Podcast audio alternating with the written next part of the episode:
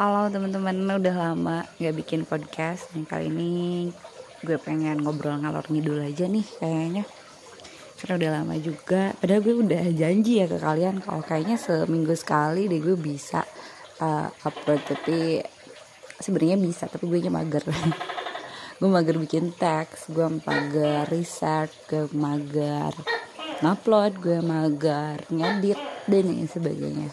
Hmm, jadi gue putuskan untuk ya udah gue bikin podcast maunya karena basically ya uh, podcast ini tuh lahir karena keresahan gue tentang pemikiran gue yang yang ngalor ngidul gitu. Jadi kalau gue diem aja tuh gue mikir ke mana ke mana? gitu. Dan gue ngerasa gue pengen pengen didengerin uh, pengen keluar aja dan setelah keluar kan lebih lega. Dan juga uh, mudah-mudahan si pemikiran itu nanti gue bisa recycle ulang gue bisa dengerin lagi uh, apa namanya pemikiran gue yang dulu dengan pemikiran gue waktu itu gitu. Karena kan kita terus grow up kan jadi pemikiran-pemikiran kita juga pasti berubah. Kita banyak hal yang kita alamin banyak buku yang kita baca banyak pendapat eh, pengalaman yang kita yang kita temukan yang kita dapati yang kita alami yang pada akhirnya merubah mindset kita di dari waktu ke waktu gitu. Dan dengan jejak digital ini kan bikin gue uh, ngelihat oh sejauh mana perkembangan pemikiran gue atau apakah uh, gue bisa mengenang kenapa gue bisa mikir itu ya dulu gitu. Eh, hal-hal uh, uh, atau backstory-nya gitu daripada statement-statement gue and kali ini gue pengen ngomongin tentang uh, finansial ya. Nggak tahu ya topik ini tuh di kepala gue apalagi di umur 23 mau ke 24 gila gue udah mulai tua nih. Hal-hal kayak finansial itu tuh bener-bener jadi topik utama sih di di, di, di, di gue gitu. Tentang finansial tentang uh, gue gue nikah seorang yang kayak gimana. Uh, dan gue pengen punya anak atau enggak sih? Kenapa gue uh, harus punya anak? Atau kenapa gue nggak mau punya anak? Pemikiran-pemikiran itu tuh yang yang yang yang akhirnya menghiasi pemikiran-pemikiran di usia segini ternyata ya. Dan sangat menikmati sangat um, hektik ya di dalam kepala. Uh, kayaknya kalian juga ngalamin usia-usia segue ya kita kurang lebih mungkin pemikirannya sama ya karena gue juga ngobrol sama teman-teman gue ya. Pemikiran mereka yang seumuran ya rata-rata di sana gitu. Pertama tentang finansial. Gue jadi keinget dosen statistik uh, beliau S2 nya di IPB jadi dia itu di uh, pernah bekerja ya kalau nggak salah. Atau masih bekerja gue gue kurang kurang ngeh ininya. Pastinya tapi dia itu pernah pernah terlibat lah dengan uh, perusahaan-perusahaan uh, research gitu kayak lembaga-lembaga research gitu. Jadi dia uh, hafal betul tentang data-data gitu. Lumayan lumayan orang data lah ibaratnya. Kalau kalau kalau orang awam kayak gue mengibaratkan atau mengistilahkan I don't know. Ya itu. Semacam itu. Jadi uh, kalau ngobrol sama dia seru ya. Serunya tuh dalam artian dia ngomongnya dengan data dia ngasih ngasih ngasih argumen dia itu berdasarkan uh, kevalidan kevalidan di kepalanya dia. Keren banget sih menurut gue itu orang-orang kayak gitu. Jadi kata dia ada nggak itu? Ini ini lebih ke pertanyaan kan? Ada nggak sih orang yang pendapatannya sehari sepuluh ribu ditanya kan.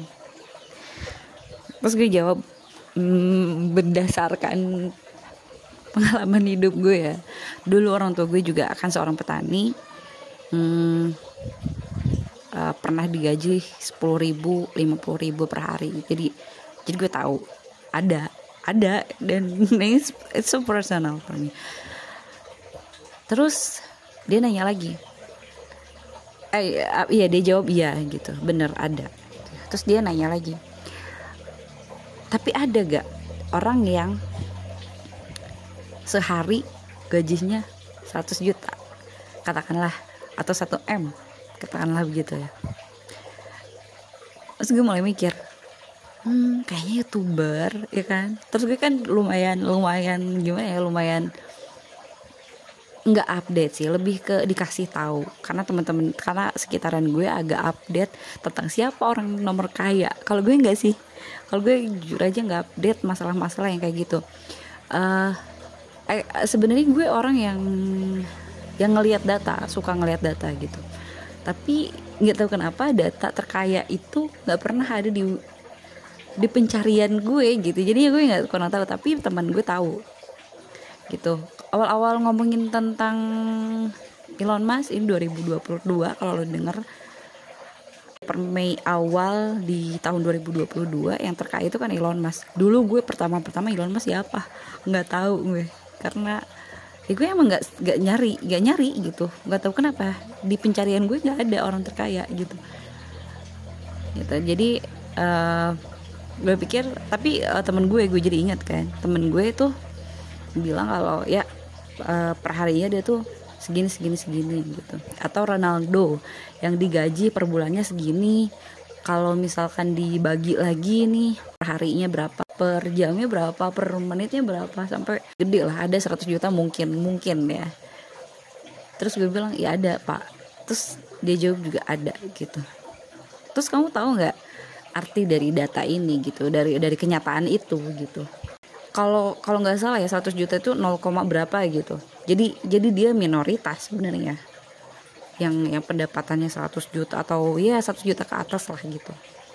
Nah kata dosen gue itu kalau data itu benar gitu kan di data itu kan nggak 100% benar ya. Maksudnya oh ini berarti valid nih gitu. Datanya valid nih nggak kayak gitu juga karena kan di data itu kemungkinan kemungkinan kayak gitu-gitu kan kalimat-kalimatnya.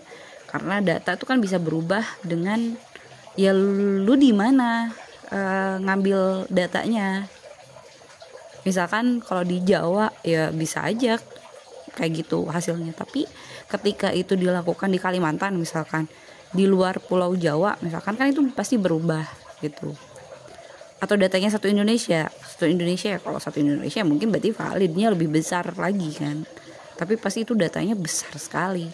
Biaya untuk datanya itu untuk risetnya itu pasti besar sekali. Gitu. Jadi data itu kemungkinan kemungkinan gambaran lah bisa dibilang kayak gitu.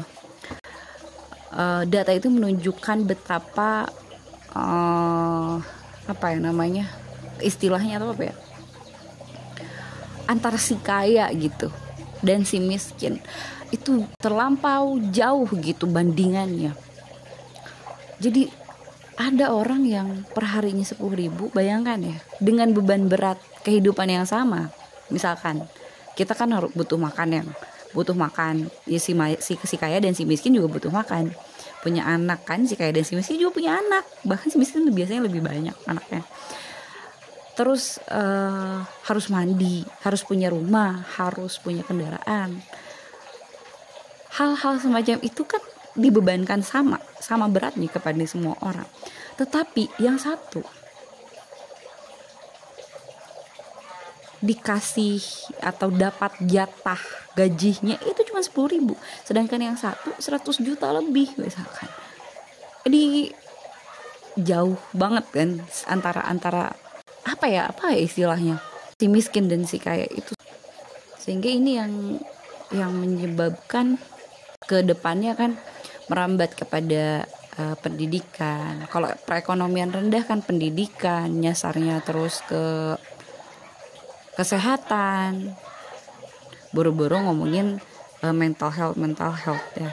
Masalah mah di di di orang-orang dengan garis kemiskinan tuh kan memilih untuk tidak ke dokter ah gue makan aja makan yang teratur. Daripada gue harus ke dokter dokter lima puluh ribu sekarang paling murah gitu. Padahal lima puluh ribu itu bisa dipakai untuk makan berminggu-minggu. Bagi si miskin bisa loh itu. Dan karena mendapatkannya lima puluh ribu untuk orang ya pendapatannya sepuluh ribu per hari itu lima hari. Ya kan? And the and this point yang menurut gue wah wah gila emang. Emang bukan ucapan belaka gitu bahwa kayaknya kemiskinan ini adalah sebuah sistem yang dibuat gitu untuk sulit sekali si miskin untuk keluar dari zona itu. Jadi eh, kemiskinan yang terstruktural itu bukan bukan isapan jempol belaka beneran gitu. Dan ini nggak bisa kita uh, singkirkan ya lo miskin ya harus keluar dari dari kemiskinan itu sekuat tenaga ya ya harus ada dorongan dari yang lain juga dong dari negara yang lebih besar daripada si power personal per personalnya. Ya power personal power individu sekuat apa sih? Tapi kan kalau negara negara tuh bisa bisa banget gitu ya. Cuman gimana caranya? Kita kan ya Allah masa orang awam ditanya kayak gitu gimana caranya supaya kemiskinan turun? Ya lu jangan nanya ke gue. Kita tuh membayar pajak untuk membayar pemerintah supaya menyelesaikan permasalahan yang ada gitu